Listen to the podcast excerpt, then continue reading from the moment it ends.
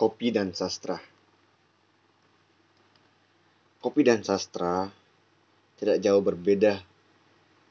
Keduanya menenangkan, menenangkanmu, membuatmu hanyut, meneduhkan hati yang tanpa badai nestapa. Meluruskan pikiran yang kusut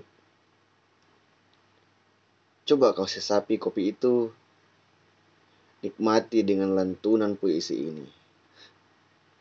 Akankah kau akan larut dalam kisah sendu? Atau kau akan beranjak pergi? Keduanya menginspirasi.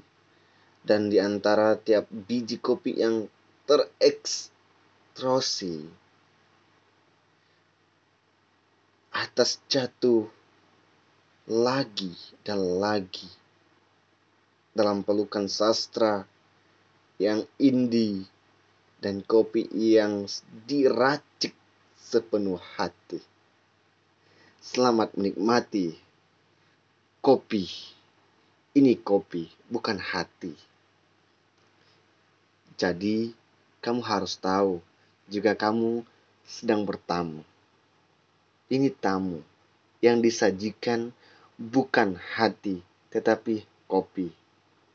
Apabila hati yang disajikan, siap-siaplah untuk berpatah hati.